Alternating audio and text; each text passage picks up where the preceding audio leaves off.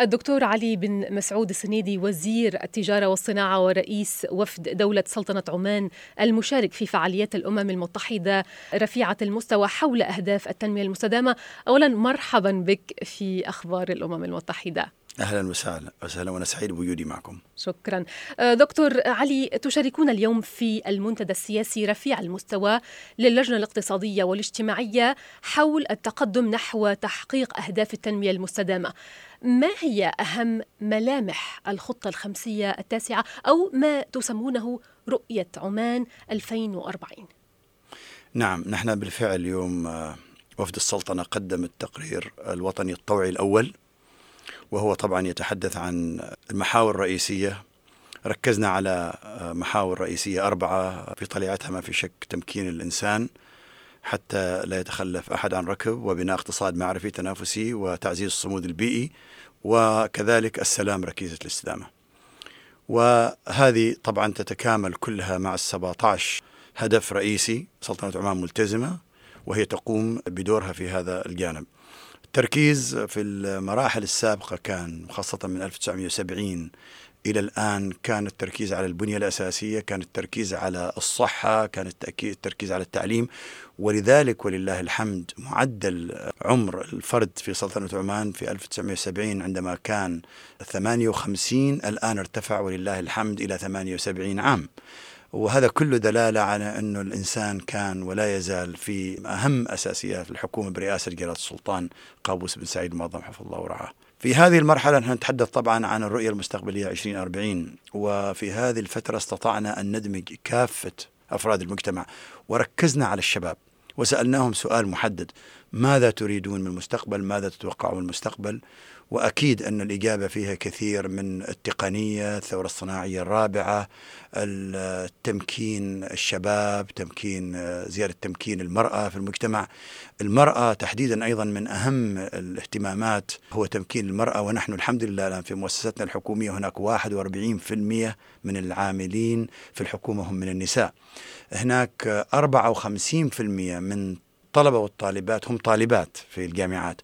فهذه كلها أمور آه، يعني ننشغل بها الآن تحقيق يعني بالفعل للهدف الخامس من أهداف التنمية المستدامة المعني بالمساواة بين الجنسين. الحمد لله وفيما يتعلق بالسلام والتفاهم والتعارف لدينا معرض قائم في هذا الوقت أتمنى أن يستطيع البعض زيارته وهذا المعرض هو امتداد لمعرض زار 125 دولة إلى الآن ب 27 لغة نحن مستمرين في هذا الجانب ونعتقد الحقيقة أن السلام هو الأساس للتنمية. دون السلام دون التوافق دون الحوار لا يمكن أن تكون هناك تنمية مستدامة. دكتور علي لقد تناولت في كلمتك اليوم التي وجهتها إلى ممثلي الدول الأعضاء.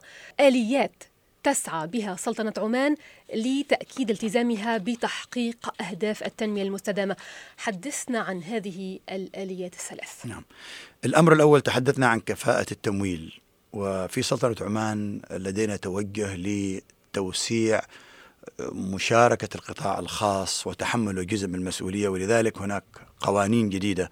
قانون الاستثمار الأجنبي قد صدر في هذه الفترة وكذلك قانون الإفلاس وقانون الشراكة بين القطاعين الخاص والعام وقانون التخصيص. لأننا نعتقد أن مهما كان هناك دور للحكومة خلال السنوات الماضية لتمويل التنمية التنمية آه، يجب أيضا أن يكون القطاع الخاص دور فيها. واستطعنا ولله الحمد الآن أن نخصص قطاع الاتصالات كاملا. استطعنا أن نخصص الآن قطاع إنتاج الكهرباء.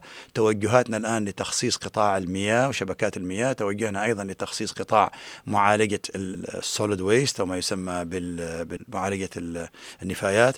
نحن أيضا نعتقد بأنه حتى في قطاع الصحة والتعليم في المستقبل هناك فرصة ولو أن هذا يعني سابق لأوانه.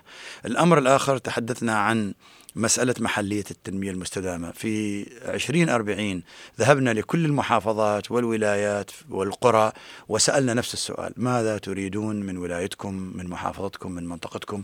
لأن يهمنا أن الخدمات ما بس فقط توصل للولايات والمحافظات ولكن أن تستطيع كل محافظة أن تستفيد من نقاط القوة فيها بعضها في مناطق سياحية بعضها في مناطق تعدينية بعضها في مناطق ثروة سمكية. الأمر الآلية الثالثة هي مسألة المتابعة والتقييم. بتلاحظوا نحن وزعنا بعض التقارير وهناك أيضا تقارير موجودة يعني آه، تقدر توصلها إلكترونيا. مسألة لوحة التحكم الداشبورد نحن مهتمين كثير بهذا الجانب ونحدثها كل يعني ربع سنة. الهدف من هذه المتابعة هي التعرف على ماذا يحصل في هذه الأهداف ولدينا الآن تعداد إلكتروني كامل لسلطنة عمان بيكون في عام 2020 الهدف منه أن نحصي كافة الفعاليات الاجتماعية والاقتصادية في المجتمع العماني. شكرا. لقد التقيتم اليوم في لقاء قصير مع الأمين العام أنطونيو غوتيريش. ماذا تناول هذا اللقاء؟ تشرفت الحقيقة أنا والوفد بلقاء آه، معالي الأمين العام. وحقيقة سلطنة عمان هي شريك للأمم المتحدة. هي تؤمن بالمبادئ التي تقف وراءها الأمم المتحدة. تتمنى سلطنة عمان دائما أن تكون عامل مساعد. سواء كان ذلك الأمر يتعلق بإعطاء السلام فرصة أينما وجدت الفرصة في أي مكان في العالم. فنحن لدينا شراكة كبيرة كما تعلمون مع الأمم المتحدة في هذا وهذا ما تناول لقاء اليوم. وأنا حقيقة شاكر وسأعود إلى بلدي يعني كلمات طيبة من معالي الأمين العام وملاحظات يعني إيجابية جدا عن دور السلطنة في هذا الجانب. كذلك نحن أيضا شركاء مع الأمم المتحدة فيما يتعلق بالبرامج التنموية ونعتقد بأن ما تقوم بسلطنة عمان في صون البيئة تحديدا وهذا ما ذكره الأمين العام هو من الأشياء التي الواجب يحتمها. ونحن في سلطنة عمان الجانب البيئي نعتقد أنه مسؤولية جماعية وليست مسؤولية فردية ونحن نقع آه، في منطقة آه، مطلة على المحيطات وعلى البحار ونلاحظ عاما بعد عام هذه الأعاصير التي تؤثر على اليابسة قمنا بأدوار كبيرة في سلطنه عمان للمساعدة من تخفيف آثارها ونقوم مع المجتمع الدولي باستمرار وهناك جوائز جائزة السلطان قابوس في البيئة صون البيئة كلها تهدف إلى تعزيز قدرة الإنسان للتعايش الحفاظ على التراث المادي التراث المعنوي أن لا نفقد هويتنا الحقيقة. ولذلك كان الحديث اليوم يعني مع معالي الأمين العام مشجع جدا سمعنا منه كلمات طيبة جدا جدا ونحن نشكره عليها. شكرا الدكتور علي بن مسعود السنيدي وزير التجارة والصناعة ورئيس وفد سلطنة عمان المشارك في فعالية الأمم المتحدة شكرا شكرا جزيلا. لكم على هذه الفرصة ونتمنى للأمم المتحدة وبرامجها كل التوفيق شكرا جزيلا. شكرا